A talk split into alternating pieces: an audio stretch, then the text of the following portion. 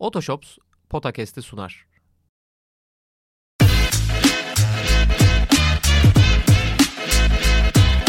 Potakest.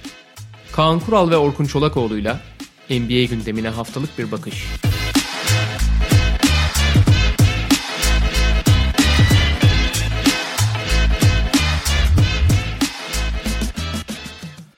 Merhaba, Otoshops'un katkılarıyla sunduğumuz Potakest'in yeni bölümüne hoş geldiniz. Kaan Kural'la birlikte takımları sezon öncesinde incelemeye devam edeceğiz. Yani üç gün erken yapamadılar takası diyeceğim Drew. Ama belliydi ya söylemiştik zaten. Yani tabii Boston'a gideceği belli değil de bir yere gideceği belliydi. bir yere gideceği belliydi de yani işte Boston'da ona göre bekletirdik. Şimdi sıradaki division'lara, gruplara geçmeden önce tekrar o hesabı bir e, açıp kapatmak gerekecek. Ama istersen Otoshops aracılığıyla senin geçen hafta da bahsettiğin ve dün galiba neticelendirdiğin araç satımına bir değinelim istersen Kaan abi. Valla şu anda otomobil piyasası bayağı durgun malum ama hani ben de otomobil değiştirecektim. Hani anında nakit programı olduğu için Otoshops'a gittim. Hakikaten anında hani piyasa şartları çünkü şu anda piyasada satmak gerçekten çok zor. Ee, piyasa şartlarında uygun bir şekilde aldılar abi. Anında da param yattı. Gayet de keyifli bir şekilde otomobilimi yeniledim. Daha yenileyemedim aslında. Yani parayı aldım. Cuma günü inşallah yeni arabayı teslim alacağım. Ee, şimdi keyfim yerinde. Şey bu arada. Bu yeni bir tane e, bu hafta da bir tane şey yollanmış. Önünde var senin. Otoshops'un ne derler hizmetlerinden biri hayallerindeki araba. Bir sürü araba çeşidi olduğu için. Hı hı. Gerçekten orada hayalimdeki arabayı da gördüm abi. Fakat fiyatı henüz benim istediğim limitlerde değildi abi. Lexus vardı bir tane. Hı hı. Abi bayıldım da. Biliyorsun Toyota ile ortak ya onlar. Yani Aha. o, Toyota çatısında. Toyota'nın lüks markası Lexus. Bir tane Lexus gördüm. Bayıldım ama fiyata henüz... bakınca biraz daha hayallerimde kalır dedim. Evet doğru. Bir, bir süre daha belki. Yani inşallah sonsuza dek hayallerimizde kalmaz ama kısa vadede henüz hayallerde kaldığını gördük. Olsun canım. Ee, yok yok gayet memnunum ben. Yeni e, otomobilimi de değiştirdim gayet mutluyum. Kaan Kural zaten otomobilden otomobile sıçramayı iyi bilen bir figürdür. Bunu biliyoruz. E, benimki biraz fırsat kovalayıcı. Fırsat, fırsat transferi işte. Abi. Aynen öyle. Fırsat ya... transferi. Yaza Türk futbolunda özellikle Türk sporunda damga vuran ifade ve mesela şimdi de konuşacağız fırsat transferi. Fırsat takası NBA'de fırsat de. Takası. Ya şimdi tabii biz Geçen haftaki bölümümüzü izleyenler, dinleyenler işte zaten biliyor olacak. Bu sezon hiç öncesinde üçe böldük. Grup grup, ikişer gruplu halde gidiyoruz. Ee, Atlantik grubunda da geçen hafta Tabii Boston Celtics'i de konuşmuştuk. E, merkezde Milwaukee Bucks'ı konuşmuştuk. Takasın ilk bölümü yapılmıştı. Daha sonra devam etti. Drew Holiday takası, Drew Holiday'in Boston'a gidişi. O yüzden istersen Güneydoğu ile devam etmeden önce bir Boston'a özellikle değinelim. Sonra Portland kısmına falan zaten e, bugün içerisinde de geleceğiz. Pasifik'e şey yapmayacak. Hazır şeyken abi istersen okay, yani tamam. kuzey batıdan gideriz. Okay. Pasifik'i Masifik'i de sonraya okay. bırakırız. Ama şu Drew Holiday'i bir konuşalım. Ben açıkçası kendi adıma Drew Holiday bir yere gidecekse yani Boston Celtics tabii ki elindeki asetler itibarıyla falan adaylardan biriydi ama Boston Celtics'i favori takım olarak görmüyordum ya da ilk iki favoriden falan da biri olarak görmüyordum. Bunda iki kilit nokta vardı benim gözümde. Tabii ki Boston Celtics Drew Holiday'i çok ister ki sen de geçen hafta altın çizerek ifade etmiştin yani Drew Holiday'i zaten her takım ister.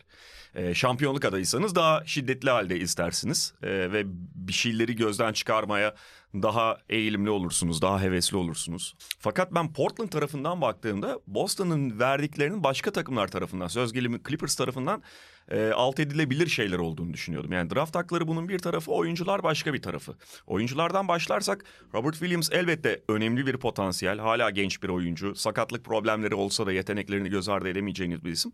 Ama DeAndre Ayton'u aldıktan sonra Portland e, Robert Williams'ın başka bir takım için olduğu kadar anlam ifade etmeyebileceğini düşünüyordum Portland'da. Çünkü e, ne olursa olsun yan yana oynatmanız zor bir ikili Aiton ve Williams. Evet belki bir noktada ikisinden birini zaten ta- tekrar takas etmeyi düşünüyorlar. Muhtemelen planları bu ama başlangıç noktasında ikisini yan yana sahaya koyamazsınız. E, Brogdon zaten geçici olacak muhtemelen çok büyük ihtimalle. Draft haklarına bakıldığında da yani Boston'ın verdiği draft hakları bir Clippers'ın falan verecekleri hem uzak draft hakları hem bu yakın verdikleri Golden State'in ki o kadar fazla şey ifade eden şeyler değil. Ben o yüzden beklemiyordum. Ama tabii ki bunu tamamladıktan sonra Celtics için harika oldu. Valla açıkçası ben Clippers'ın da hani çok daha fazla bir şey verebileceğine emin değilim. Ama mesela bir Brooklyn veya bir Oklahoma City falan devreye girse daha çok şey verebilirdi. Oklahoma City için çok anlamı var mı bilmiyorum zaman çizelgesi açısından ama Brooklyn için mesela çok anlam bence çok ilginç olabilirdi. Yani Brooklyn iyi olabilirdi mesela. Parantez şey söyleyeyim abi. Çok affedersin. Clippers da uzak draft hakkı verirken yani Clippers'ın kadrosunun... E... Ama iki tane verecekti o da. Evet ama penceresi belli. Yani Doğru. şey olarak e, Clippers'ın kadrosu zaten 90 doğumlu oyuncular şeyi. Yani Paul George, Drew Holiday gelse o da 90 doğumlu. Kawhi Leonard 91'li. 2028'leri 9'ları verdiğinde zaten o hani oraya kadar Clippers düşüşe geçmiş olur hesabını yapabilirsin. Yani 2029 draft hakkı verdiği zaman Boston verdiği gibi. Evet. Boston'ın verdiği 2029 hakkın e, draft hakkından çok daha değerli bir 2029. Bugün itibariyle öyle gözüküyor Aynen. en azından. Golden State'in ki gelecek sene yani bu sene yani bu yaz olacak draft hakkı ise çok az değerli bir şey. İkinci turdan hallice diyelim yani onun Hı. hakkı. Yani Golden State kötü bir sezon geçirse bile o zaten draftta kötü bu seneki draft. O iyi bir draft. Haklısın. Ama burada şey var. E, Portland biraz şeyi düşündü bence. Bu ilk Damian Lillard takası da buradan e, geçerli. Portland'a gelince bunları konuşuruz ama üzerinden geçelim en azından. Brogdon ve Robert Williams'ı ve belki de DeAndre Ayton'u bilmiyorum. Şimdi Robert Williams tabii biraz soru işareti. Şimdi iki sene önceki Robert Williams hakikaten ligin çok değerli uzunlarından biri. Ama geçen sene gördüğümüz yani o sakatlıktan döndükten sonra hiçbir zaman istikrar kazanamayan, devamlılığını anormal kaybetmiş ki zaten biliyorsun kariyeri boyunca bir devamlılık sorunu olmuştu iki sene öncesine kadar. Hı hı. Time Lord denmesinin en büyük sebeplerinden kafasının gidiyor olması böyle biraz da. Psikolojik olarak devamlılık sorunu olan bir oyuncunun bir de teknik olarak yani fiziksel olarak devamlılık sorunu yaşaması onu çok çok büyük bir soru işareti haline getirdi. Ama hala senin de söylediğin gibi bir değeri var. Keza Aiton'un da Aiton'un da bir, bir, e, sorunları teknikten çok psikolojik sonuçta. Ama Portland'ın hesabı zaten Aiton, Robert Williams, Malcolm Brogdon veya Holiday değil. Bunları da bir şeyleri değiştirebilir mi? Ve şu anda bakıyorsun oynayacakları oyuna bağlı olarak Brogdon'un da, Robert Williams'ın da, DeAndre Ayton'un da bir veya bazen belki de bir buçuk draft hakkına dönüştürülebilme ihtimali var. Portland da bunu oynayacak zaten. Şimdi diğer tarafta Boston'a baktığımızda ise abi şimdi Robert Williams'e olan güven iyice azalmış durumdaydı. Dediğim sebeplerden dolayı. Yani iki sene önceki haline hiç dönemeyeceğine inanıyorlar benim anladığım kadarıyla. Çünkü iki sene önceki Robert Williams'ın dönebileceğine inansalar bence bunu yapmazlardı. Yani en azından yani Robert Williams'a da, çok daha büyük bir değer biçilirdi bence. Hı hı. Diğer iki uzunun da Porzingis ve Horford'ken. Fakat abi Brogdon'da da biliyorsun biraz çok gerilmiş tipler ve Brogdon'un çok çok mutsuz olduğu söyleniyordu bu yazdan sonra. Şimdi Holiday'i aldığın zaman şöyle bir şey oluyor. Bu takımın asıl büyük sorununa Holiday bir yanıt değil aslında. Evet Holiday yani 30 takımın 25'ine cuk oturdu gibi Boston'a da cuk oturdu. Anlatacağım birazdan. Ama asıl soruna çözüm değil. Asıl sorun ne abi Boston'da? Boston'da oyun sıkıştığı zaman topu eline verip güvenebileceğin bir üretici bulamamak. Şimdi Jason Tatum hani en önemli yıldızı takımın. Ama Jason Tatum'un olağanüstü maçları olduğu gibi çok kötü maçları da var. Üstüne üstlük Jason Tatum'un öyle birebir de çok fazla ürettiğini görüyoruz. Jason Tatum birebir de topu alıp bir tane step back falan atıyor sadece en fazla. Ve orta mesafesini bir ara geliştirmişti yani oraya girip oradan atıyordu. Biraz işte Kobe, Jordan falan tarzı. Onun daha farklı bir modeli. Ama onu da son dönemde hiç yapmaya başladı. Abi son bölümlerde ya Jalen Brown top kaybeder ya işte hücumda birinin elinde patlar top. İşte Brogdon falan oluyordu geçen sene. Ya da şey abuk subuk bir şut atarlar. Ya Tatum saçmalar falan Aynen. filan. Drew Holiday bu oyuncu değil ki. Holiday de mecburen bunu Milwaukee'de. Çünkü Yanis de hani sonda yani sıkışmış bir oyunda topla çok fazla üretebilen bir oyuncu değil. Bir sürü başka olumlu yanları olabilir. Ben bu bu konudan bahsediyorum ki bu çok maçı kıran önemli özelliklerden biri. Drew Holiday de burada ne kadar zorlandığını, ne kadar hani düşük verimde bunu yaptığını, verimsiz yaptığını iddia edemezsin. Olduğunu görüyorduk. Marcus Smart'a kalıyordu toplar Boston'da. Hı hı. Ama Boston bir karar vermiş. Marcus Smart'tan vazgeçerek bu oyuncu J- Jason Tatum hani Marcus Smart seni kurtaramaz abicim. Seni kurtaracak kendin kurtaracaksın demişti. Şimdi Drew Holiday buna yanıt değil. Hı önemli sorunlarından biri Boston'da pick and roll oynayacak oyuncu da yok. Drew Holiday buna da yanıt değil. Çok kötü bir pick and roll oyuncusu Drew Holiday. Hücum anlamında. Fakat Drew Holiday şuna yanıt abi. Boston iki sene önce NBA finaline giderken ligin belki de birebir de yenilmesi en zor tarihte tarihin en güçlü birebir savunma beşini yaratmıştı. Ve abi Drew Holiday ile tekrar Drew Holiday, Derek White, Jalen Brown, Jason Tatum dörtlüsüyle bunu tekrar kazanabildiler. Yani kağıt üzerinde. Teorik olarak Marcus Smart da bunu yapabilirdi ama Marcus Smart'ın geçen seneki halini biliyorsun. Hı hı. Hızır hızır yanından adam geçiyordu. Şimdi Drew Holiday'i oraya aldığın zaman bir bu beton savunmayı birebir de asla yenilmeyen savunmayı kurup rakibin bütün hareket alanını kısıtlayabilirsin ve arkaya da bekçi olarak evet tamam olağanüstü olmasa bile çok iyi bir zamanlama sonra çok uzun olduğu için de bir blok savunmacısı eklediğin zaman bu abi ligin en iyi savunması olmaya aday bir savunma. Hı hı. Artı Ve, sağlıklı olduğunda da Horford'la sürekli switch yapana zaten dönebiliyorsun. Horford bence artık 20-25 dakikalık bir oyuncu olarak görüyorlar. Görmeliler de zaten ki zaten oraya düştü. Görmeseler de öyle zaten. Şimdi bu Boston asıl gücü olmak zorunda. Çünkü Boston Ya bir Lillard alamadığı sürece, bir Durant alamadığı sürece zaten o son çözümleri üretemeyecek. Ya da Jason Tatum önemli bir zihinsel devrim yaşamadığı sürece. Fakat bunu yaptığın zaman abi iki sene önceki bazı tekrar kazanıyorsun ve buna oynuyorlar. Bir ikincisi abi şimdi her şey pick and roll değil. Evet takımların yüzde sekseni pick and roll üzerinden oynuyor. Dünyada öyle. Fakat bunun alternatifleri de var. Mesela Golden State temelde pick and roll tabii ki kullanıyor ama pick and roll temelli oynamıyor Golden State. Boston'da geçen senenin başını hatırlarsan abi penetre pas basketbolunu ana oyun planı olarak belirlemişti. Ama bunun için ne lazım abi? Çok iyi penetreciler lazım ve bu az abi. Ve ortalama üstü şütörler lazım. Yani en az iyi iki penetreci, en az üç iyi ortalama üstü şütör lazım. Bu takımda dört iyi penetreci ve beş iyi şütör var abi. Şimdi bu ıı, Houston'da galiba rekor yanılmıyorsam bir sezonun en fazla üçlük atma rekoru. Boston bu sezonu kıracak o rekoru. Ve her şey penetre pas penetre pas oluyor. Özellikle normal sezonda akıl almaz maçlar izleyebiliriz Boston'dan. 160'ları falan buldukları. Tabii. Ee, Direkt rim runner uzunu da çıkarıp oradan üçlükçü koyulduğuna aynen. göre. Aynen ve bu acayip bir potansiyel hücum anlamında. Playoff'ta belli sorunlar yaşayacak ayrı konu. Böyle bir yapı kurdular ve açıkçası şu anda da şampiyonun en azından Doğu şampiyonunun favorisi haline geldi. Bence Milwaukee'nin bir adım önüne geçtiler yani. Aynı fikirdeyim. Ben hatta ya geçen sene bunlardan ağzımız yandı da yine bugün itibarıyla genelin de bir numarası olduğunu düşünüyorum. Ne kadar Olur. yani playoff'ta bir eşleşmelere geliyor işte e, yine Denver'ın batıdan çıktığı bir dönem e, şeyde senaryoda yok içe nasıl cevap vereceğin apayrı bir konu falan onları e, zamanı Boston'ın gelince konuşuruz. Boston'ın ellerini ayakları nasıl do- e, eli ayağına nasıl dolanacak onu da göreceğiz. Onu tartacağız bir de yok iç yani geçen sene çok konuşuyorduk. Yok içe cevap vermek mühim bir mesele bugün için. Ee, Bugün en büyük Pek de pek, pek bir cevap göremedik. Yani işte, cevap verebilen de pek çıkmıyor kolay kolay. Hani cevap derken tabii ki yok içi alın ve tamamen kısıtlayın oyundan çıkarın anlamında değil bu ama tamamen yok için domine ettiği bir seriye engel olmak da meseledir. Şimdi e, neyse onlar sonranın konuları söylediğin konu üzerine bir şey ekleyeceğim sadece bu üçlük meselesi. Yani çünkü geçen sene de bunu çok çok tekrarladık.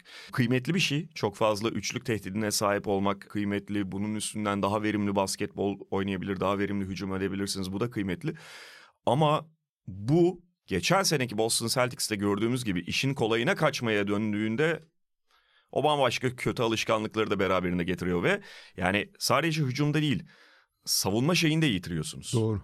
Bunu çok gördük geçen sene Celtics'te. Doğru. Ve işte, bu kağıt üzerinde bahsettiğin hakikaten çok iyi olabilecek savunma kadrosu taca çıkabilir eğer o alışkanlıkları bu defa e, zamanda geliştiremezse Boston Celtics. Burada kritik nokta işte penetre pas diyoruz ya o penetreyi sadece ve sadece pas vermek için yapmayacaksın. Evet. Penetre etmek için yapacaksın. Potaya gidebilmek için. Boston bu konuda aslında doğru oyunculara sahip. Yani o, o mentalitesi doğru oyuncular ama dediğim gibi kolaya kaçmakta insan çok insani bir zaaf yani. Peki gruplarla istersen devam edelim. edelim Güneydoğu'yla devam edeceğiz.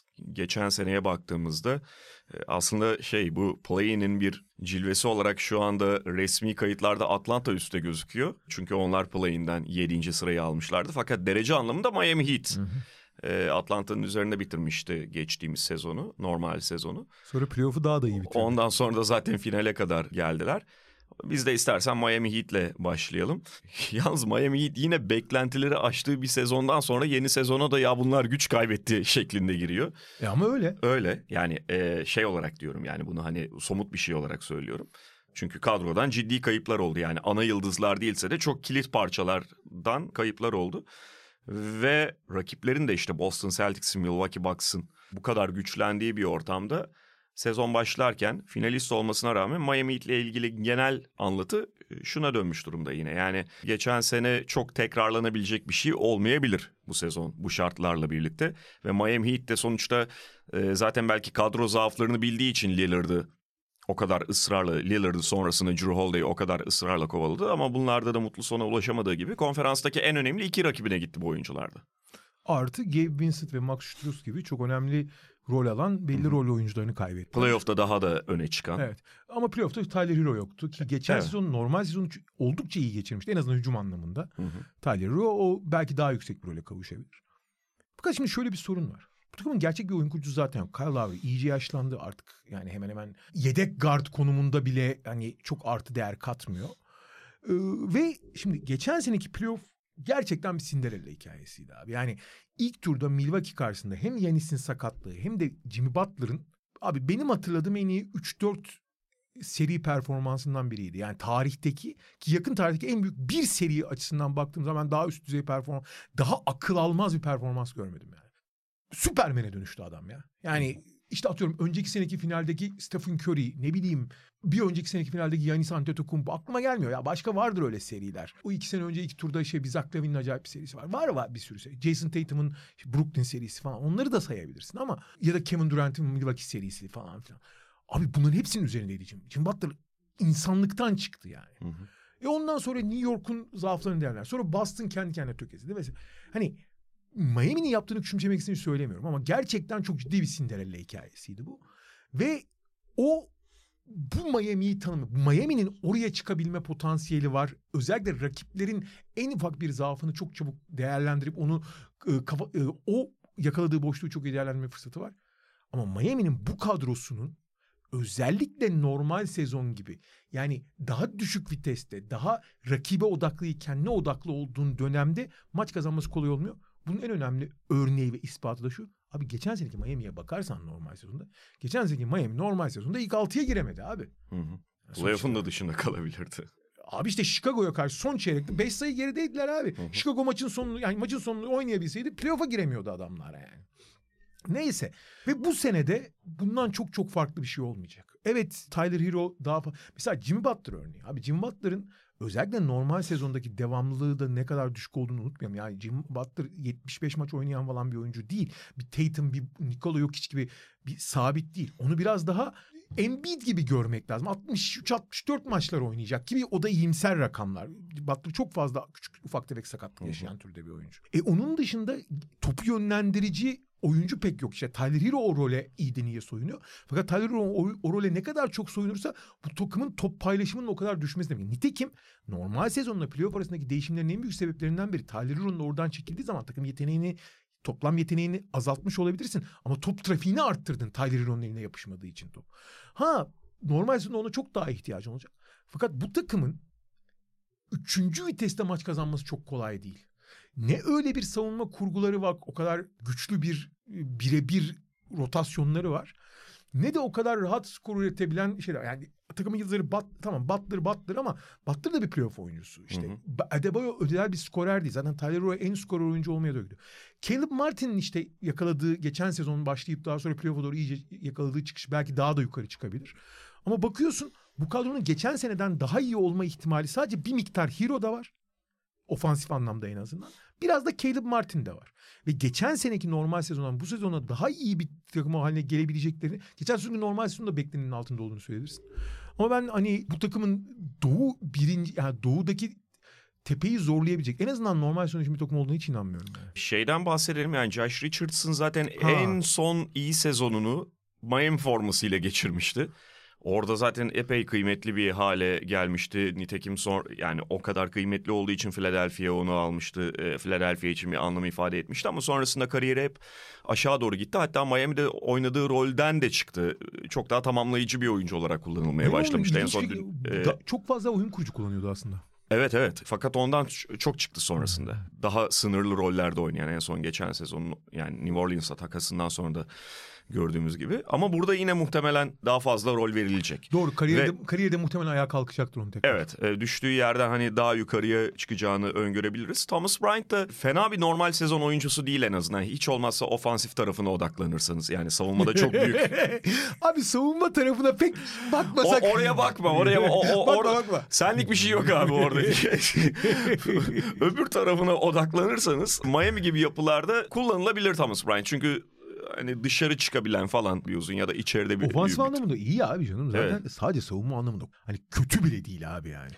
Ya bu arada Thomas Bryant'ın aklıma geldi. Geçen sene Anthony Davis iyileştikten sonra Lakers'a beni size oynatmayacaksınız herhalde beni bırakın o zaman deyip Denver'da hiç oynamayarak sezon yani Lakers'ta az buz bir dakika alıyordu onu da alamayarak Denver'da sezonun e, sonunu getirmesi tamam şampiyonluk kazandı falan da çok komik hikaye. Ama işte yani sonuçta bu sınırlı bir kadro. Hep Miami ile ilgili 3 yani yazdır falan artık ekstra konuştuğumuz bu defa kimleri çıkaracaklar falan konusu var. Adamlar da çıkarıyor bir şekilde birilerini parlatıyorlar.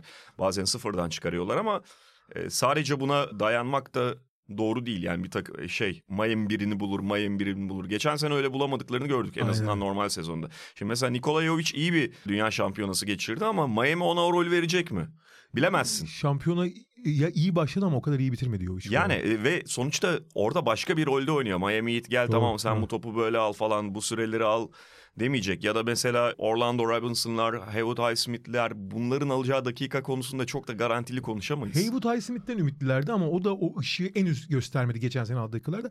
Biraz şey Josh Richardson örneğini güzel söyledin. Caleb Martin'den, Josh Richardson'dan gerçekten tekrar ayağa kalkmasından bir şeyler bekliyorlar. Bir de abi buzluktan şey inmiş gibi gözüküyor Duncan Robinson. Yani Duncan evet. Robinson'ı hak tekrar belli bir seviye kullanabilecekler gibi. Belki o da tekrar hani 3 sene önceki haline döner, 2,5 sene önceki haline dönerse Ondan da bir şey alabilirler. Ama e, bunların hiçbiri e, bu takımın personel kaybını çok kapatabilecek gibi gözükmüyor. Ha, şeyi söyleyelim abi adını almayı unuttuk. Jaime Hakez e, çaylak oyuncu. O en hazır gelen çaylaklardan biri olduğu için o da muhtemelen katkı verecektir.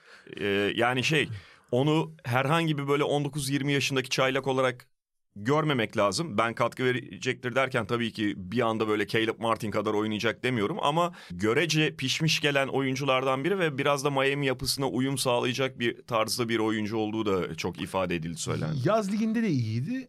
Fakat ben o tip oyuncuların biraz döneminin geçtiğini düşünüyorum. Tabii Miami kullanabilir bakalım.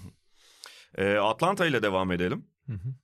Atlanta Hawks e, 41-41 geçen sezonun yani normal sezon bölümünde %50 ile bitirdiler. Onlar için benzer problemleri, benzer artıları ve eksileri aslında konuştuğumuz bir sezon oldu. John Collins'le nihayet artık yollar ayrıldı. Çünkü e, o da yılan hikayesine dönen artık her transfer döneminde sadece yaz döneminde değil sezon ortasında trade deadline'a doğru tam bu defa gitti galiba yok gidiyor bilmem ne falan filan diye konuşulan bir hikayeydi. Ee, artık John Collins bir Atlanta oyuncusu değil fakat dramatik ölçüde bir tabii ekleme de yapmadılar. Daha çok çaylaklarla falan kadroya eklemeler oldu. Onlar açısından gelişim nereden gelebilir? Esas gelişim. Şimdi geçen sezonun ortasında Quinn Snyder gelmişti. Tabii direkt olarak takımı çok yukarıya çekmesi belki mümkün değildi takvim itibarıyla. Ama Quinn Snyder'la başlayan bir sezonda Atlanta'nın biraz daha yapı kazandığını görebilecek miyiz? Ve bu nereye götürecek? Herhalde en önemli soru o. Ve e, şimdi John Collins'in özellikle son iki senedeki dış atış konusunda özellikle. Bu elini kır, eli kırıldıktan sonra inanılmaz düştü. Hı hı. Onun dış ya bir önceki sezon gayet iyi atmıştı. Geçen sene Aynen. çok düştü. Ya eli kırılana kadar bir önceki sezonun sonunda galiba kırmıştı elini. Fena bir üçlükçü değildi. Dış şutör değildi yani. Ee, ve bu özellikle Capella'nın tamamen çember çevresinde oynadığı için ve Trey Young Capella ikilisinin yani Trey Young NBA'nin en iyi alley abi. Daha iyi alley verebilen bir oyuncu yok yani. En iyi pasör tartışması ayrı bir konu olağanüstü bir Aliyup. İkili oyun ve Aliyup bitiricisi. Capella oralarda oynadığı için diğer oyuncuların hepsinin alını açması gerekiyor. Şimdi Dejon Tömeri çok soru işareti bir şutör. Ee, De, DeAndre Hunter çok yüksek bir tehdit şutörü olmadığı için John Collins yani John Collins'in de belli bir seviyenin üzerinde olması lazım ki bu ikili operasyonu yapabilsin. Yani ilk beş adına konuşuyorum. E şimdi John Collins bunu kaybettiği zaman takımın bütün mekanikleri de bozulmuştu. John Collins'in özgüveni de azalmıştı vesaire. Diğer o özgüven başka yanlara yansımıştı. İki sene önce hakikaten değerli bir oyuncuyken bir anda eksi yazmaya başlamış ve bu yüzden de zaten takasta karşılığında hiçbir şey almadan neredeyse bedavaya yolladılar. E ya Utah da aldı bakalım. Şimdi yalnız şöyle bir sorun var. Abi John Collins'in yerine üst düzey bir oyuncu koymalarına imkan yok. Ama şöyle yapacaklar. Yani Atlanta'da çok ciddi bence keskin bir değişim var hani tek uzunlu oynamaya ki aslında modern oyun için hani çok da problem değil. Eğer dört numaradan çok ciddi fizik dezavantaj yaşamıyorsan. Hı hı. Ama Sadik Bey'le ve şeyle Deandre Hunter'la yani ikisi de üç numara ama e, fizik konusunda çok biraz özellikle Sadik Bey kuvvet üzerinden oynayabilen bir oyuncu. Ve işte Utah modeli Quinn Snyder üstünden gidersin. Ve son dönemde biraz daha hayat belirtileri veren Jalen Johnson'da burayı idare ederim diye düşünmeye başladılar. Ve daha kısa, hı. daha hareketli bir beşle. Capella Trey Young organizasyonunun işte Dejounte Murray'nin penetre alanlarının daha açılabileceği bir oyuna döndüler. Yani John Collins'i devreden çıkarırsak yerine bir şey eklemesek bile daha iyi olabilir dengeler dedi. Bu teoride çok yanlış bir şey değil aslında. Ama onu uygulamada ve özellikle Capella gibi sakatlık riski ciddi anlamda bulunan ve hani sezon boyunca 60 maçın üzerinde oynama ihtimali çok yüksek olmayan bir oyuncu. Çünkü defalarca benzer ayak ve bacak sakat, fasiyatistler, diz sakatlıkları, ağrıları yaşamış bir oyuncu Capella. Ve çok özverili olduğu için genelde ağrılarla oynayıp sakatlıkların daha da kötü duruma getirmişti. Houston'da da bu yaşadı. Atlanta'da da yaşadı. Buna bu kadar güvenmek bu takımı çok ciddi bir Boston'dan Boston ölçeğinde hatta Boston'dan daha büyük bir sıkıntıya sokabilir. Orada uzun rotasyonu çok problem oldu. Ama aynı şeyi Boston'da düşünüyor. Biz Boston'ı konuşurken uzun rotasyonunun problemlerinden çok bahsetmedik ama Atlanta'da aynı şey var. Takımlar şeye çok güveniyorlar abi. Artık bu klasik 5 numara dediğimiz hani takoz 5 numaralar bulmak çok kolay. Onlardan piyasada çok var. Hı hı. O yüzden oraya bir iki tane ekleme yaparız. Bir şekilde idare ederiz orayı diye bakıyorlar. Ee, Atlanta'da da böyle bir değişim var. Bundan nasıl sonuç alacaklarını göreceğiz. Bu biraz tabii çok büyük oranda biraz Trey Young'a bağlı. Çünkü asıl karar verici her zaman o. Savunma hiçbir zaman çok çok iyi olmayacak belki. Ama belki biraz daha hareketli olabilir şimdi. En azından hareket olabilir. Ama ben ileriye çok adım attıklarını düşünüyorum. Daha dengeli bir hücum olacaklar bence. Yani oyun dengesi. Ama zaten Atlanta iyi bir hücum takımıydı Trey Young olduğu sürece. E savunmada hiçbir şekilde ilerlemedi. Hatta belli açılardan konuşacak devreden çıkınca gerilediğini bile söyleyebilirsin. Doğru. Yani Quinn Snyder sevdiğimiz bir koç ve evet bir yerlere taşıyabilir. Ee, en azından daha derli toplu bir hal aldığını görebiliriz Atlanta'nın ama ben geçen sene de ifade ediyorum. Yani artık Trey Young'ın eksenindeki e, bir takımın çok ileriye gidebileceği yönündeki inancımı çok yitirdim. Dolayısıyla yine aşağı yukarı vasat seviyelerde olacakları fikrindeyim. Washington Wizards 35-47 idi. Niye güldünüz? Abi şöyle güldüm. Bu sene gerçekten kötü tek takım Washington galiba. Yani tabii ki daha zayıf kadrolar ya var. Ya da şöyle kötü olmaya geliyoruz tabii, tabii, diye içeri giren. Çok geç kaldılar belki bunda. Ya bunu iki sene önce yapmaları gerekiyordu. Bradley Beal'ı daha değerli bir şeyler karşına değiştirebilecekken yapmaları gerekiyordu. Hı hı. Ellerindeki değerli parçaların değerini de azalttılar bunu yaparak. Ama bu sezona kötü olmak için başlayan ve gerçekten kağıt üzerinde evet San Antonio falan da çok çok iyi değil en azından şu aşamada. Ama abi ligin en leş kadrosu diyebileceğin durumda. Ha bunu dediğimiz gibi kasıtlı yaptılar ama durumdaki takım bayağı feci durum yani. Yani şöyle bir e, şeyi okuyayım istersen depth chart falan. Tyus Jones, Jordan Poole, Corey Kispert, Kyle Kuzma, Daniel Gafford, Delon Wright. O da ne kadar kalacak belli Muhtemelen değil. ayrıdır o. Landry Shamet yani bu şu anda sakatlığı bulunan oyuncuları da tabii ki sayıyoruz. İşte Bilal Kulibali, Avdia, Mike Muscala, Johnny Davis, Galinari. Arkaya doğru gidiyorum böyle oyunculara bakıyorum. Abi bir ihtimal var. Houston'ın elinden ligin yani iki senedir Houston açık ara hiç kimseye bırakmıyor ünvanı. Ligin en çok top kaybeden takımı ünvanını geri alabilirler. Belki yani orada şey abi tek bir oyuncuyla olacak iş değil bu ama Tyus Jones çok dengelidir ya o konularda. Abi ilk beş olduğunda o dengeyi biraz kaybediyor o da. Belki ee, ama yani onunla belli bir şeye oturabilirler. Şey çok acayip abi. Bu takımın en büyük sorunu iki senedir oyun kurucu bulamıyorlardı. Abi takaslardan sonra takım daha anladıkları şimdi oyun kurucu kaymıyor takım. ben Tyus Jones'un da kalacağını zannetmiyorum bu arada.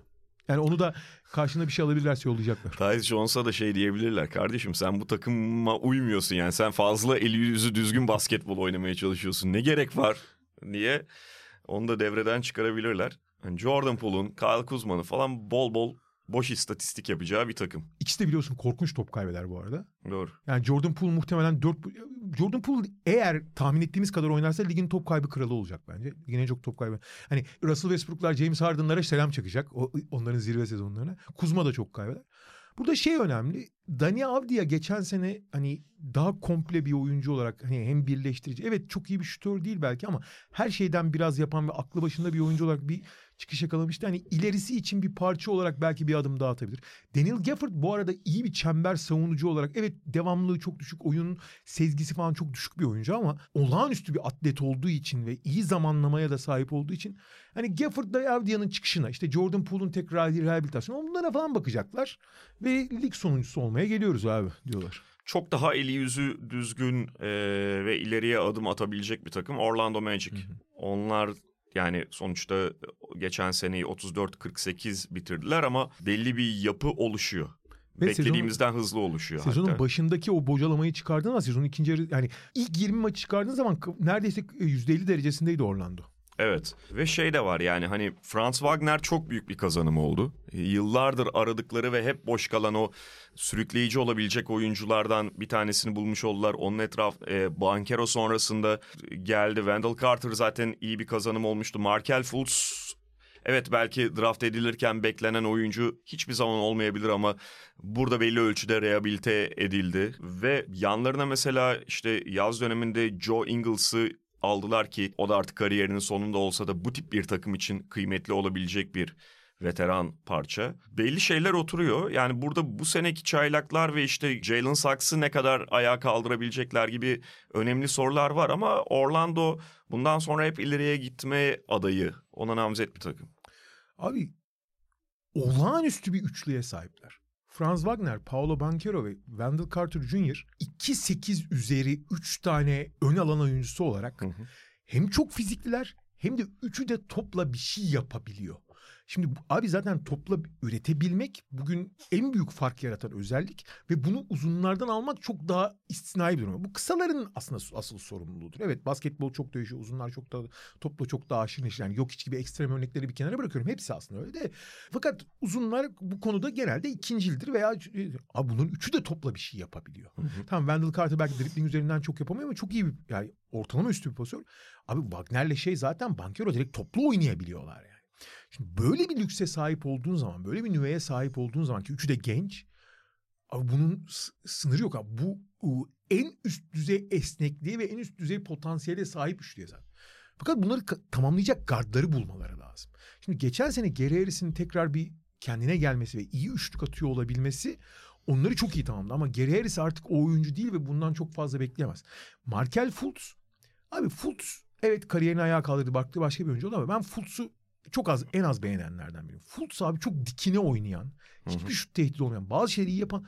Abi sana bir şey söyleyeyim 30 takımın 27'sinde falan zarar verir Fultz. Ama işte bu üçlünün yanında olduğu için yetenekleri artıya dönüşebiliyor Fultz'un. Ama bu takımı çok ileri, ileri götürecek bir şey değil. Yani Fultz'a bağlı olmak bu takımı biraz patinaj yapmaya zorluyor bence. Fultz'un getirdiği artıları yatsıdığımdan ya da Fultz'u sevmediğim için falan söylemiyorum bunu. Fultz abi çünkü dik, sadece dikine potaya giderek oynayan bir oyuncu olduğu için bu ona alanı açmak yani sanki takımın yıldızı oymuş atıyorum işte 2016 Westbrook'muş falan gibi davranırsan ona bu diğer oyuncuların asıl özelliklerini ha, diğer oyuncularından alarak yapıyorsun bunu. Hı hı. Ee, bu da çok ideal bir senaryo değil. Yani takımın asıl potansiyelini bulmasını zorlaştırıyor. Ee, guard abi e, artık basketbol tamamen hani guard özellikle NBA basketbol guardların karar verdiği bir oyun olduğu için yani kısaların e, karar vericidir. Ha burada dediğim gibi işte Denver örneğinden yola çıkarsak e, Orlando'da bunun ekstraları var. O gardları nasıl ekleyecekler ve açıkçası bu seneki drafttan da çok eklemiş gibi gözükmüyorlar. Ya şöyle iki tane lotarya seçimi aldılar ama onları da ne kadar Orlando zaten genel olarak genç bir takım olsa da e, baştan çok böyle sürükleyici oyuncu ya da e, çok fazla dakika oyu alacak oyuncu olarak hesaba katmamak gerekiyor bence. Kenarda kalacaklar demiyorum ama ilk 6-7 oyuncu arasında da olmayabilirler. Anthony Black ve Jet Howard. Özellikle ben Anthony Black'i hiç beğenmedim. Anthony Black de şut atamıyor bu arada. Hı hı.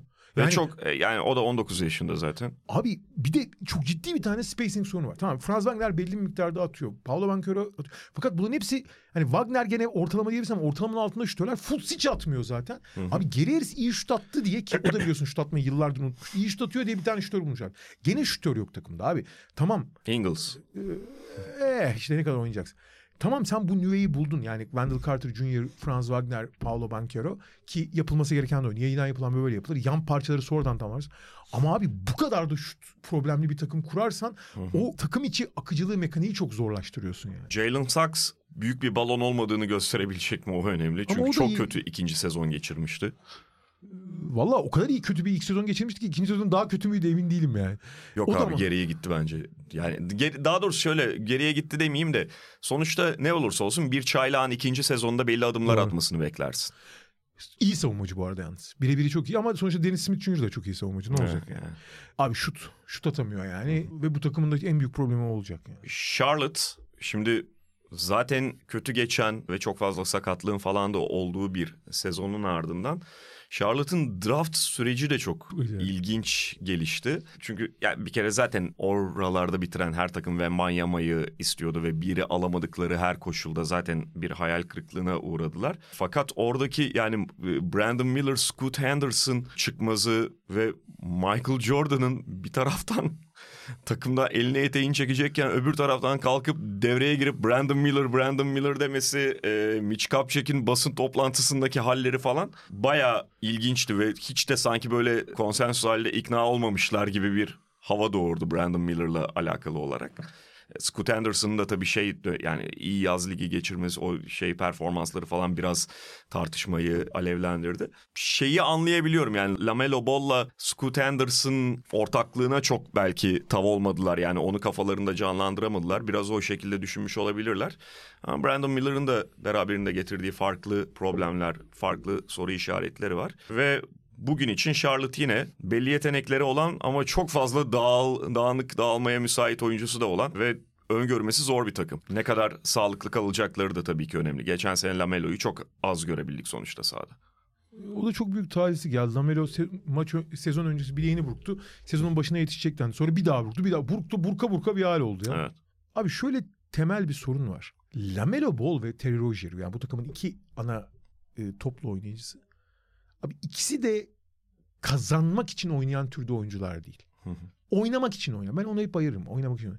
Yani keyifli oynuyorlar, acayip şeyler yapıyorlar ama verimlilik, işte doğru şeyi seçme, oyunu çift taraflı oynama, her hücumu aynı dikkat buralardan çok uzaklar henüz.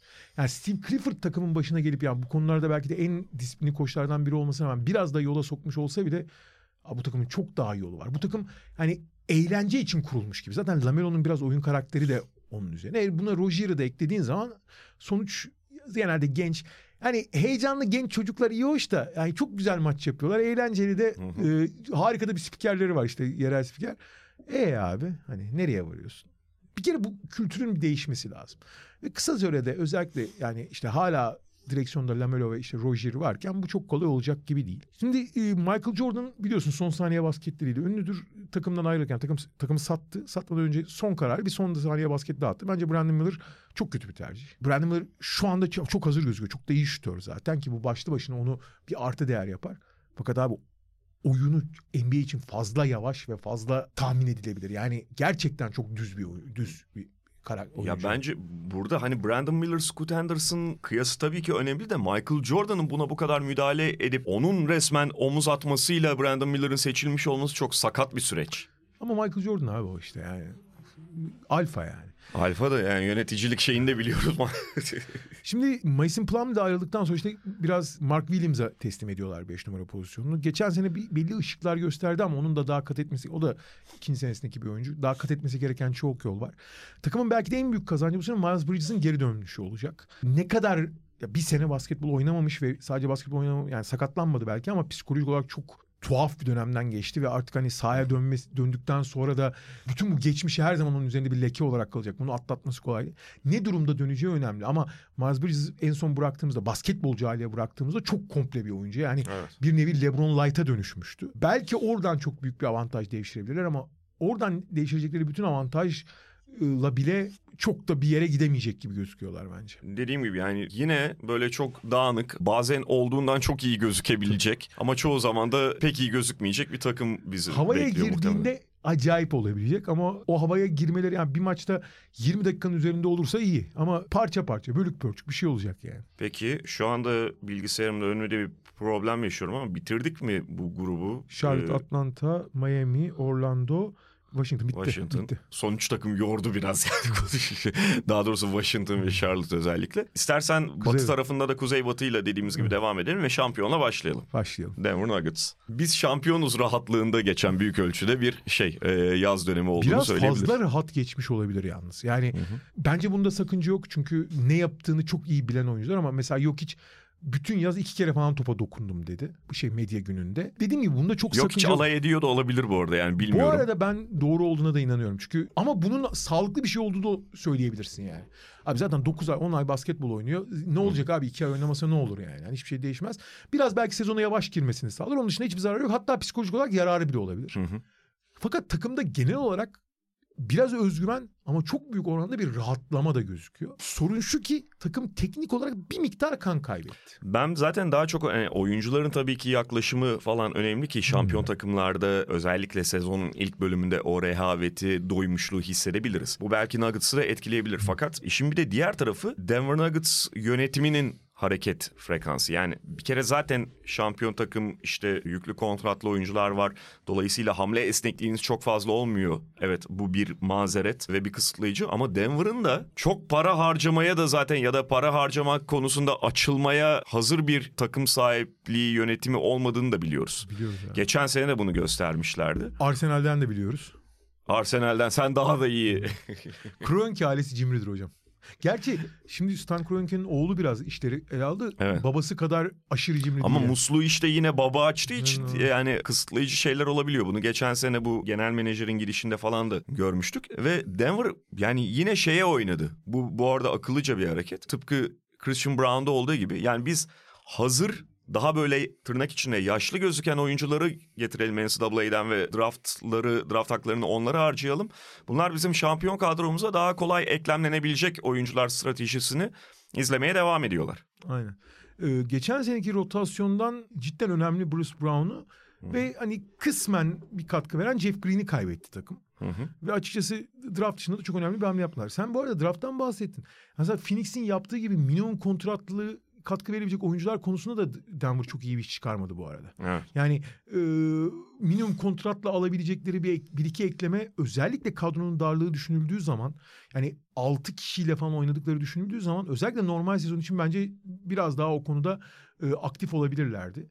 E, çok dar bir kadro. Çok kaliteli bir kadro. Zaten şampiyon abi adamlar. Hı hı. Yani ama e, özellikle normal sezon için çok dar olduğunu. Bu yazı düşündüğümüz zaman şampiyonluğun etkisini düşündüğümüz zaman sezona biraz yavaş girme ihtimallerinin olduğunu söyleyelim. Bir tek şey burada belki onlar için artı olabilir. Geçen sezon biraz rolü marjinalleşen, bir önceki yılki sakatlığı tam atlatmış gibi gözükmeyen Michael Porter Jr. Aha. çok iyi gözüküyormuş kampta da. Eğer o iki sene önceki Michael Porter Jr. gibi olursa yani takımın üçüncü skoreri ama istediğin istediğin zaman birinci skoreri gibi oynayabilecek bir oyuncu haline dönüşürse bu onlar için takım içi gelişim demeyelim de takım içi özellikle hücum dağılımı açısından çok olumlu olabilir. Evet. En azından öyle gözüküyor. Tabii ki onun hani bütün sezonu oralarda kalıp kalamayacağı da hani kariyer boyunca sağlık sorunları yaşamış bir oyuncu için bir soru işareti ama şimdilik her şey o, o cephede iyi gözüküyormuş. Takımın da açıkçası personel anlamında tek çıkış noktası gibi gözüküyor. Ee, ben de onu diyecektim. Çünkü, Onlar da pardon. ona bel bağlıyordur. Ya yani Christian Brown'un daha iyi olacağını tahmin edebiliriz ama Christian Brown'un bir hücumcuya dönüşmesi gibi bir şey en azından orta vadede yani kısa vadede pek söz konusu değil. En az 3-4 sene gerekiyor. Hücumda çok kısıtlı bir oyuncu çünkü. Çok yararlı olmasına rağmen.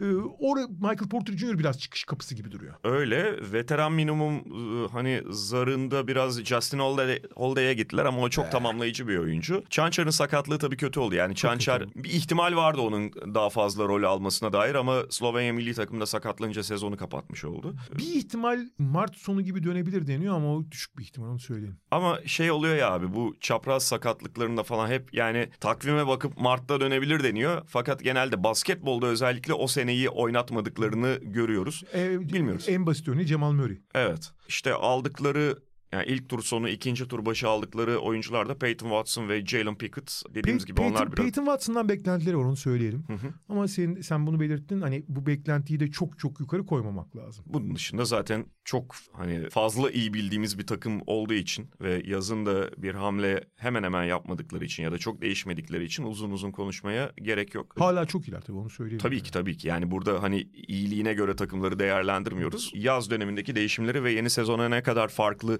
girdikleriyle alakalı bizim buradaki konuşma süremiz biraz ona bağlı gelişiyor. Minnesota ile devam edelim. Yine yani çok çalkantılı, inişli, çıkışlı bir sezonu ve garip bir sezonu geride bırakmışlardı. Bir ara sezonun bitimine doğru yani o zaman Carl Anthony Towns sakattı. İşte Michael Con Mike Conley galiba yeni gelmişti. E, hatta Gober'in de belli maçlar kaçırdığı bir periyot vardı.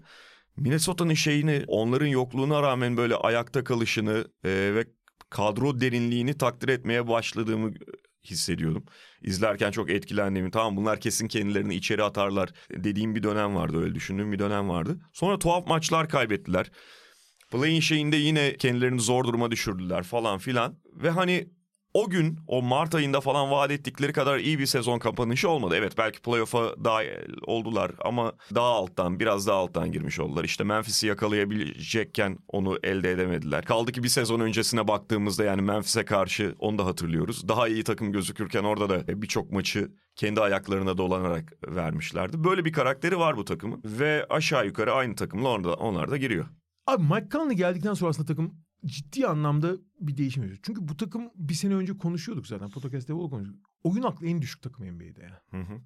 Yani hakikaten yani bir Lamelo eksik öyle söyleyeyim şey açısından. Yani kendini maça kaptırıp tamamen aklını cinnet geçiren takım yani.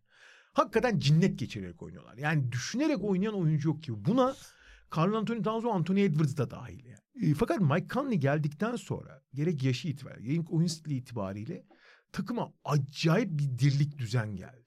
Bu kadar Mike Conley hani zaten hiçbir zaman hani en üst düzey oyuncu olmadı. Yani bir kere All Star seçildi. O da işte sakatlıktan zar zor şey yapıldı. All Stars'ın hemen arkasında ve yaşı çok ilerledi artık. Eski gücünde falan hiç değil ama en azından topu elinde doğru karar verebiliyor. Hı-hı. Bu bile çok şeyi değiştirdi. Ama şimdi bir sene daha geçti. Mike Conley'nin artık maç başına 20 dakikadan fazla çok oynamaması gerekiyor. Hadi en iyi ihtimal 25 dakika oynaması gerekiyor. E, fakat sen ondan hani alternatif olmayan bir şekilde ana karar verici olmasını bekliyorsun. Ha Kyle Anderson biraz işte bu o role biraz yardımcı olmaya başlamıştı Mike Conley ile birlikte. Anderson Conley ikilisi diğerlerinin cinnetini biraz kontrol ettikleri için onların yeteneklerini biraz daha kendilerine zarar veren değil rakibe zarar veren yönlendirmeyi zaman zaman sezonun son bölümünde senin anlattığın bölümde bir üst üste 6 maç kazanıp sonra 5 maç kaybetmişler. Evet. İnanılmaz bir dönem. Ya Onun bir de fikstürün daha kolay kısmında kaybediyorlar evet mesela yani o 5 maçı. Çok zor maçları kazanıp çok kolay maçları Sinirlendire ne oluyor? Ama Minnesota bu abi. Şimdi bir kere bu Gober Towns işbirliğinin oturum olmadığı belli oldu. Ki Gober artık zaten Utah'taki Gober'den uzaklaşıyor her sene. Yaşlandıkça yetenek hı hı. yani o zamanlama ve hareketlilik bir tık düştüğü zaman Gober'i değerli kılan şey çok kan kaybediyor ki orası kan kaybetmiş durumda. Carl Anthony Towns belki e, geçen seneki sakatlıktan sonra döndü. Bir tık belki daha şey diyebilirsin ona hani olgunlaştı demeyeceğim de bir tık daha ama zaten dünyanın en dağınık yıldızlarından biri. Yani bu kadar abi adam kendini kontrol edemediği için sürekli foul problemini görüyor. Abi sen zaten bir savunmacı değilsin. Sürekli birilerine çarpıyor. El, elini kolunu koyacak yer bulamıyor yani. Ya Anthony Edwards desen Amerikan milli takımında da gördük. Yani gerçekten yıldızı en hızlı parlayan, en hızlı çıkış yakalayan oyunculardan biri. Fiziksel özellikleri, teknik özellikleri kusursuz yakın. Acayip atlet, şutör, birebir savunması kendini verdiği zaman çok iyi. Yani her şey var. Un var, yağ var, şeker var. Ama Abi seçmeyi falan hiç bilmiyor. Evet genç bir oyuncu olduğu için hani bu kabul edilebilir bir durum gibi gözüküyor şimdi. Fakat abi Minnesota'da olduğu için çok göze batmıyor ama başka bir takımda daha çok göze batıyor. Yani bu kadar dağınık ve bu kadar kendi oyuna kaptırarak oynanmaz basketbol. Edwards da onlardan biri. Tam Minnesota'ya yakışan oyuncu yani. Bu açıdan bu takımın potansiyeli gerçekten yüksek. Ama bu kadar dağınık oyuncuyla, bu kadar kontrolsüz oyuncuyla Hani bir Mike Conley bu takımı takım çevirip çeviremez abi. Yok öyle bir şey. Ki Mike Conley'nin de bu sezon bir yıl daha yaşlandıktan sonra ne kadar sahada kalabileceği çok ciddi soru işareti yani. Buna rağmen abi yani geçen sezonunda 42 galibiyetle tamamladıklarını düşünürsek işte Carl Anthony Towns'ın çok büyük bölümünü kaçırdığı bir sezon. Başka problemleri oldu. Yani bu 42 sayısının üzerine çıkmaları da gayet olası esasında. Olası olası. Fakat bu zaten Minnesota ile ilgili... Unutma, Pardon. unutma Denver serisinde hiç kötü oynamadılar abi aslında. Evet. Şampiyona karşı yani doğru düzgün basketbol oynadılar yani. Fakat yani Minnesota ile ilgili mesele zaten hani normal sezonu kaç galibiyetle tamamlarlar işte falan da 42'den yukarıda olurlar muhtemelen. E, ama onun ötesinde nereye gidecekler? Mesela sağ avantajıyla playoff'a girip ondan sonra indirilebilir yine Minnesota. O ihtimal var. Tabii ki eşleşmeye de çok bağlı olmakla birlikte. Ben açıkçası en büyük soru işaretinin Mike Conley'nin ne kadar süre ne kadar verebileceği olduğunu düşünüyorum. Çünkü onu devreden çıkarırsan bu takımın ya takımın belki de en önemli 5. 6. bu arada Nazrid de kontrat yaptı. Nazrid'in de evet. hani çok yönlü çok şey veriyor onu unutmayalım. NBA'nin en iyi yedek uzun bence. Ve çok yönlülüğü çok önemli. Yani farklı şeyler. Evet. Hani Carl Anthony Towns'la yan yana oynadığı zaman bambaşka bir şey oluyorsun. Gober'le yan yana oynadığı zaman bambaşka bir şey oluyorsun. Bu esneklik güzel. Fakat abi Conley şu anda bu takımın hiyerarşisinde o değer anlamında belki altıncı oyuncu, beşinci oyuncu, kaçıncı dersim bilmiyorum. Fakat en önemli oyuncu abi. Hı hı. Yani ve bu, bu yaşta bu fizik güç gücü azalmış bir oyuncunun ya da yetenek olarak aslında hiyerarşide biraz daha geride kalan bir oyuncunun en önemli oyuncu olması çok büyük problem abi. Kesinlikle öyle. Oklahoma City ile devam edelim. 40-42 geçen sezon beklentileri çok aşan bir takımdı Oklahoma City Thunder. Ve en önemli transferi de kadro içinden yapmış olarak sezona giriyorlar Chet Holmgren'le. Çünkü yani geçen sene zaten pivotsuz oynadılar. Chet Holmgren de direkt oraya gelen bir oyuncu çaylak sezonunu oynayamamıştı sakatlığından ötürü. Belki biraz zaten ekstra yatırmayı daha sakatlandığı anda tamam sen sezonu kapattın diye atladılar. Ama iyi bir sezon geçirdi Tanrı ve daha güçlü bir kadro olacaklar. Hem kadro içi gelişimle hem işte gelen Holmgren ve başka oyuncularla birlikte ve tabii Mitsic de o kadroya eklenenlerden biri. Ve e, Shai Alexander'ın çok özel bir yetenekten bir süper yıldıza dönüşünü de izledik. Evet. Abi bu takım geçen sene ne yaptı? Shai Jesus Alexander'ın etrafında benim gördüğüm en sıyrılan oyunculardan biri. Abi önünde kalmaya falan imkan yok ya Shai Jesus Alexander'ın. Ve bunu nasıl kullanacağını falan çok iyi biliyor. Geçen sene şunu gördük abi. Shai Jesus Alexander etrafında ciddi şut problemi olan yani çünkü Şarjis Alexander da şutör değil. Yani üç sayı anlamında konuşuyorum. E Dort çok istikrarsız. Her ne kadar geçen sene biraz toparlamış oldu. Gidin'in alakası yok şutlarla. Sezonun bir, bir ayında bir atabildim ama. Jalen Williams sezonun son bölümünde devreye girmişti. Fena atmadı ama o da bir şutör değil. Bu, abi Isaiah Joe yani Philadelphia'nın tamamen vazgeçtiği ve çok iyi üçlük atmak dışında hiçbir özelliği olmayan Isaiah Joe maçlarda yıldız olmaya başladı. Hiç kimse şut atamadı. Fakat bu kurgudan özellikle işin savunma tarafında. Abi Mark Dagnon'un savunma paternleri işte yardım yardımdan geri dönme, topa baskı vesaire paternleriyle gerçekten olağanüstü iş yaptı. Sıfır çember savunucu olmamasına rağmen.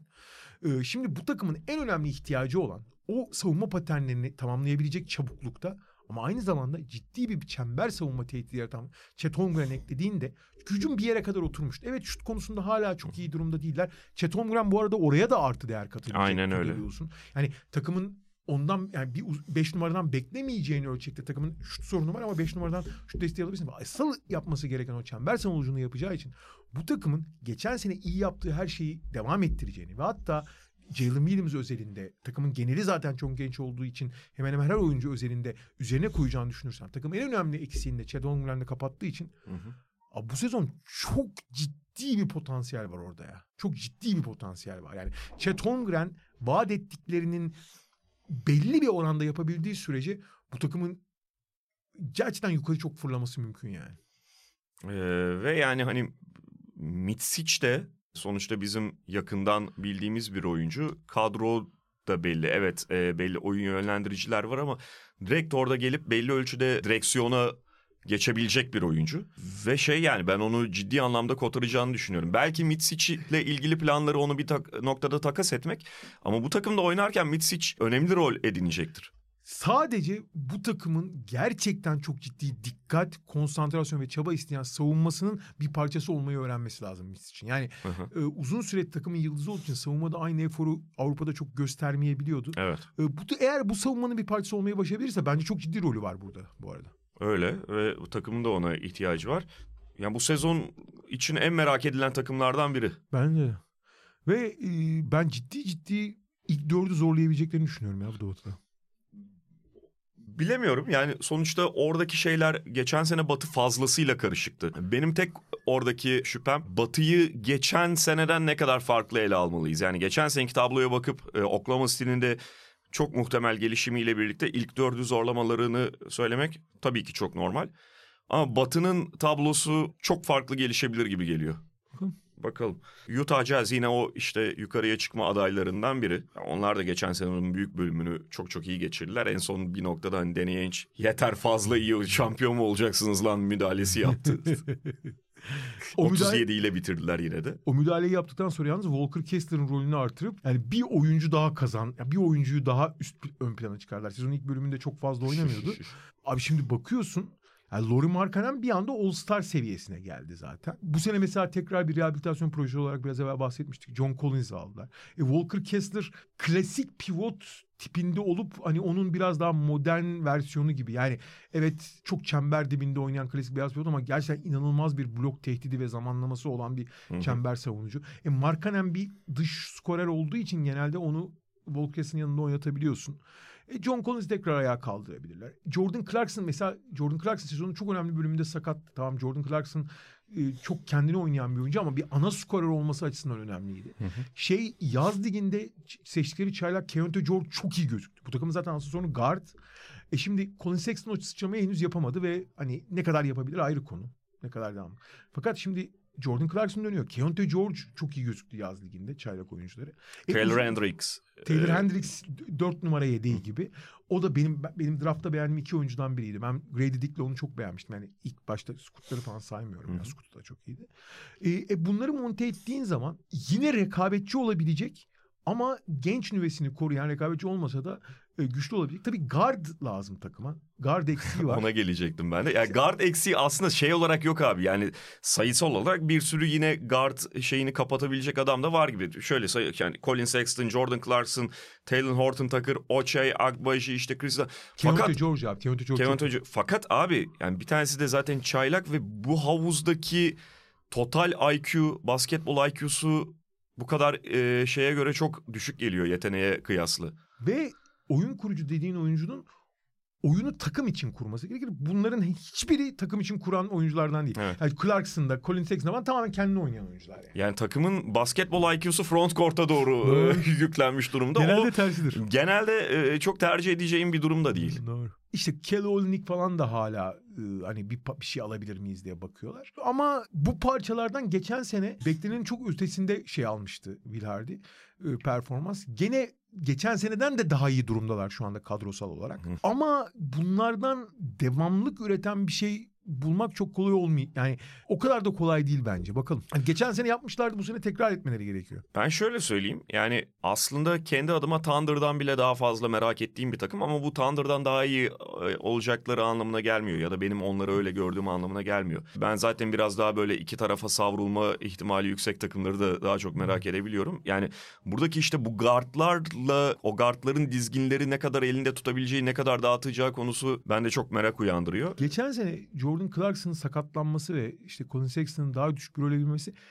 bu bahsettiğimiz ön alanı işte Kelly Olynyk'in, Laurie Markkanen'in daha fazla toplu oynaması bence biraz işte Miami'de bahsetmiştik yani Tyler Hero devreden çıkınca biraz daha topun dolaşması olumlu oldu diye. O da Utah'a biraz bence yaramıştı. O dengeyi biraz bulmak lazım. Hem öyle hem de şey de var yani bu NBA normal sezonu için biraz daha farklı gelişse de beklenti üstüne çıkan hatta beklentinin hayli üstüne çıkan takımların bir sonraki sezonları da belli bir duraklamayla birlikte gelebiliyor. Aynen. Yani o şey düzenli olarak bu kadar çıktılar bu kadar daha çıkacaklar diyemiyorsun abi. Ve şey bir anda onun geriye gittiğini iç, bile görebiliyorsun. İçgüdüsel olarak ya bu takımın hemen hemen bütün parçaları genç Abi doğal gelişimleri yeter falan diyorsun. Evet. İşte sakatlar iyileşti falan diyorsun ama o kadar kolay olmuyor iş. Evet, evet o her takım için ezberden söylenebilecek, e, cepte kabul edilebilecek bir durum değil. Peki yani bugün için başladığımız takımla neredeyse bitirmiş olacağız. O da Portland. E, biraz bahsetmiştik takas ödelinde ama şimdi daha kadro odaklı konuşarak e, son takımımızı da Portland yapacağız. İşte takas durumundan bahsettik. Tabii yani bize göre en az iki sene gecik ettirdikleri Damian Lillard takasını nihayet yaptılar. Ama şu var yani Scoot Anderson'la bu takım bir şey yakalamış gözüküyor. Aynen öyle. Çok patlayıcı bir oyuncu. Çok kuvvetli bir oyuncu. Çok özgüvenli bir oyuncu. Şutu hala çok ciddi soru işareti ama e, kötü bir mekaniği yok. O konuda en azından vasatı bulabilecek gibi gözüküyor.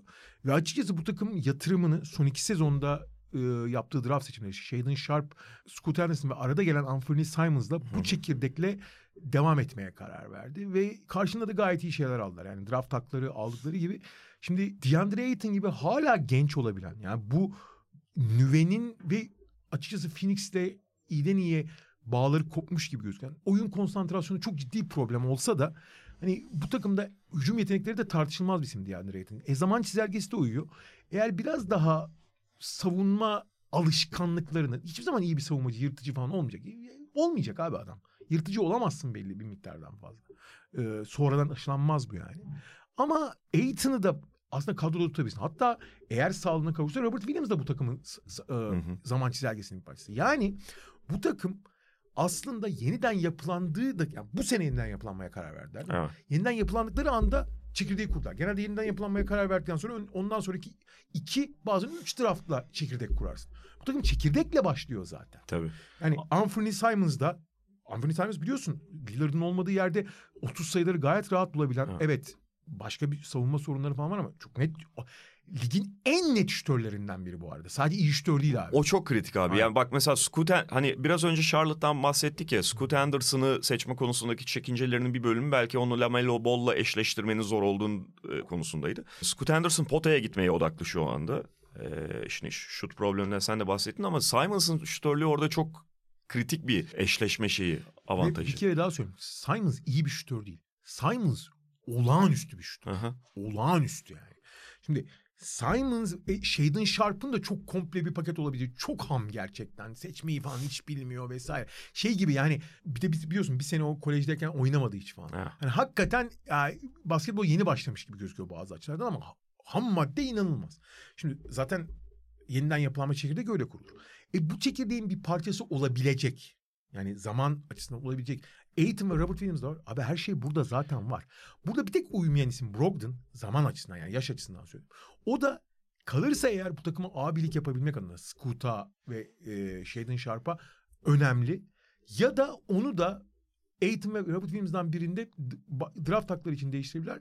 Ve açıkçası bu yeniden yapılanma daha şimdiden üçüncü yılını hani birinci yılında üçüncü yılını yaşıyor ya yeniden yapılan. Bu takımın takvimine uymayan biri daha var. O da çok iyi bir takas malzemesi. Ha, evet, Jeremy pardon, Grant. Pardon, evet, doğru. Yani illaki gidecek bu sezonun bence ortasında. Şu anda gitmeyecekse de sezonun ortasında gideceği kesin bence. bence. Ee, çok şaşırırım gitmezse. Ve yani şeyle gidecek. İyi bir ganimet elde edecekler orada. Çünkü hemen hemen her takımın ihtiyacı olan türde bir oyuncu Jeremy Grant. Yani oyunu çift taraflı oynayabilen bir kanat oyuncusu. Buna her takımın ihtiyacı var. Hı hı. Bu yeniden yapılanma sürecinde yalnız Lillard verirken bir tane daha önemli şey yaptılar. Takımın elinde kontrat olarak ve e, kariyer olarak da biraz soru işareti olan Nurkic'ten kurtulmayı da başardılar. Hı hı. Burada bence Phoenix, Phoenix'e gelince konuşacağız. Phoenix burada biraz fazla aceleci davrandı. Yani Aiton'la olan ipler o kadar gerilmiş ve Aiton'dan o kadar sıkları sıyrılmıştı ki gidip Nurkic'e yöneldiler. Nurkic'in Phoenix'e verip veremeyeceklerini konuştu ama Nurkic gibi bir riske girmek. Evet Aiton onlara hakikaten çok yani illallah dedirtmişti. Ama abi Aiton'dan Aiton karşısında Nurkic almak da ciddi soru işareti olacak gibi. Ve Nurkic'in kontratından da kurtuldu, şeyinden de kurtuldu Portland. Bir sonraki bölüme güzel bir pas atmış oldun. Next on podcast Bitirebiliriz yani onu da haftaya konuşacağız artık. Phoenix ve kalan 10 takımımızı, Nurkic'i vesaireyi haftaya konuşacağız. Ee, ama bugünlük bitiriyoruz. bitiriyoruz. Evet, Otoshops'un katkılarıyla hazırladığımız podcast'ten bugünlük bu kadar. Tekrar görüşmek üzere. Hoşçakalın. Hoşçakalın. Otoshops Podcast'i sundu.